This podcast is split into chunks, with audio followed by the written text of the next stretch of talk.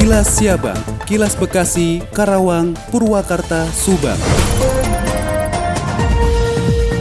Dari Subang dikabarkan, PNS mesti kerja keras untuk memaksimalkan serapan anggaran di dinas atau instansi. Terlebih saat ini sudah memasuki akhir November. Berdasarkan catatan Badan Keuangan dan Aset Daerah BKAD, Dinas Perhubungan merupakan instansi yang paling rendah serapan anggarannya. Sementara yang paling tinggi serapan anggarannya yaitu Kecamatan Pusaka Negara. Kepala Bidang Perbendaharaan BKAD Kabupaten Subang Casari Ese merinci instansi dengan serapan anggaran yang tinggi dan rendah per tanggal 24 November 2021, di mana serapan serapan anggaran terbilang tinggi antara lain pemerintah Kecamatan Pusaka Negara sebanyak 90,85 persen, Kecamatan Cibogo 90,08 persen, dan Disparpora 89,54 persen. Sementara untuk penyerapan anggaran yang paling rendah adalah Dinas Perhubungan 25,01 persen, Dinas PUPR 36,38 persen, dan Dinas Perumahan dan Kawasan Permukiman 51,62 persen. Casari menyampaikan yang menjadi kendala serapan anggaran masih saja rendah yaitu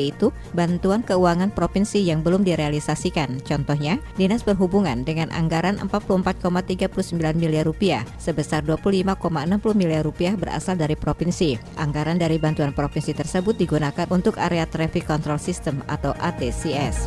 Demikian Tika, GSP Radio Pamanukan mengabarkan untuk Kilas Siabang. Kilas Siabang, Kilas Bekasi, Karawang, Purwakarta, Subang. Dikabarkan dari Subang, Ketua Asosiasi Pengusaha Indonesia atau APindo Kabupaten Subang, Asep Rohman, mempertanyakan maksud Bupati mengeluarkan tiga surat rekomendasi upah minimum Kabupaten Subang. Ketua Apindo mengatakan surat rekomendasi pertama dengan nomor TK 01 garis miring 0345 garis miring Disnakertans tanggal 19 November 2021 yang mana surat tersebut telah disepakati da dari hasil rapat DPK.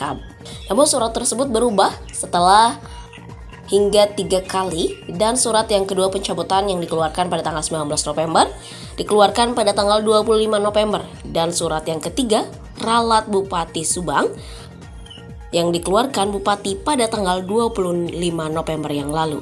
Surat yang ketiga diumumkan pada saat aksi unjuk rasa buruh Subang di sana tertulis rekomendasi Bupati soal kenaikan upah sebesar 5%.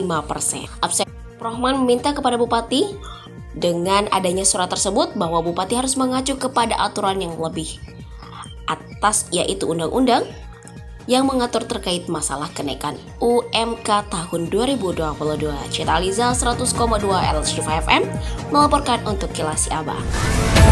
Kilas Siabang, Kilas Bekasi, Karawang, Purwakarta, Subang.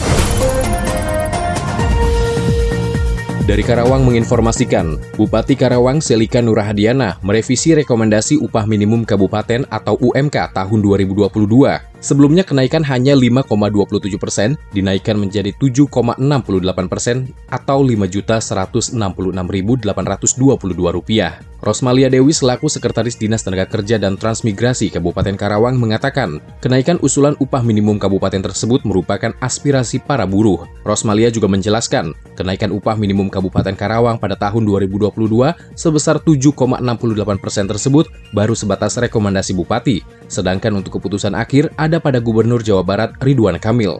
Diberitakan sebelumnya pada Rabu 24 November, Bupati Karawang Selika Nurahadiana merekomendasikan upah minimum kabupaten tahun 2022 sebesar Rp5.051.183 atau naik 5,27 persen dari tahun sebelumnya sebesar Rp4.798.312.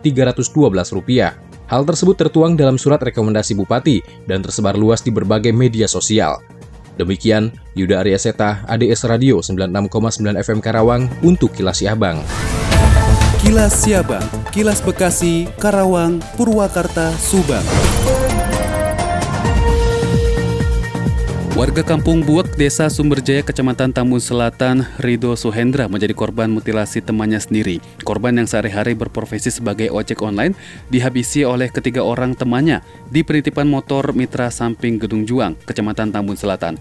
Potongan tubuh korban menjadi 10 bagian dibuang di tiga tempat berbeda. Aksi mutilasi ini disebabkan karena pelaku FM sakit hati dengan korban yang telah menghina dirinya serta istrinya. Sementara untuk pelaku MAP sakit hati dengan korban karena pernah mencabuli istrinya. Sedangkan untuk pelaku ER masih dalam pengejaran polisi.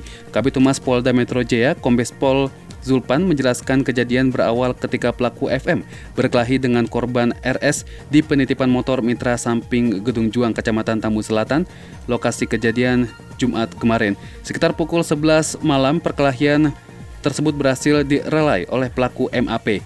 Kemudian korban dan pelaku MAP diajak keluar untuk mengkonsumsi narkoba dan kembali ke penitipan motor sekitar tengah malam. Sesampainya di sana, korban RS tidur di penitipan motor. Kemudian, telah melihat korban tertidur, pelaku MAP mengambil golok dan mengasahnya dengan amplas bersama dengan pelaku FM dan ER. Kemudian, pelaku MAP menyuruh pelaku FM mengambil bantal. Setelah FM mengambil bantal, pelaku ER memegang kaki korban dan pelaku FM menutup muka korban dengan bantal. Kemudian pelaku MAP menyembeli leher korban dengan sebilah golok menggunakan tangan kanan. Pelaku menutup korban dengan selimut dan jas hujan. Kemudian jasad korban dipindahkan ke belakang sepeda motor agar tidak terlihat. Selanjutnya pelaku ER membawa sepeda motor korban meninggalkan tempat kejadian perkara. Pihak kepolisian yang mendapatkan laporan dari warga bahwa ada potongan organ tubuh manusia di wilayah Kedung Waringin langsung mendatangi lokasi. Setelah dilakukan identifikasi terhadap sidik jari potongan tangan tersebut, identik dengan sidik jari seseorang dengan identitas atas nama RS, laki-laki bertempat tinggal Jakarta 8 Oktober 1992. Pihak keluarga berharap agar pihak kepolisian bisa menuntaskan kasus ini dan pelaku bisa tertangkap semua, kemudian diadili seberat-beratnya. Ibnu Jabar, Radio Dakta 107 FM melaporkan.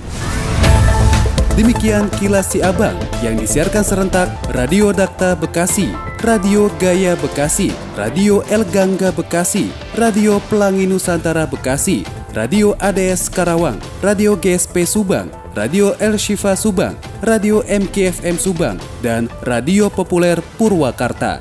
Nantikan kilas si abang selanjutnya.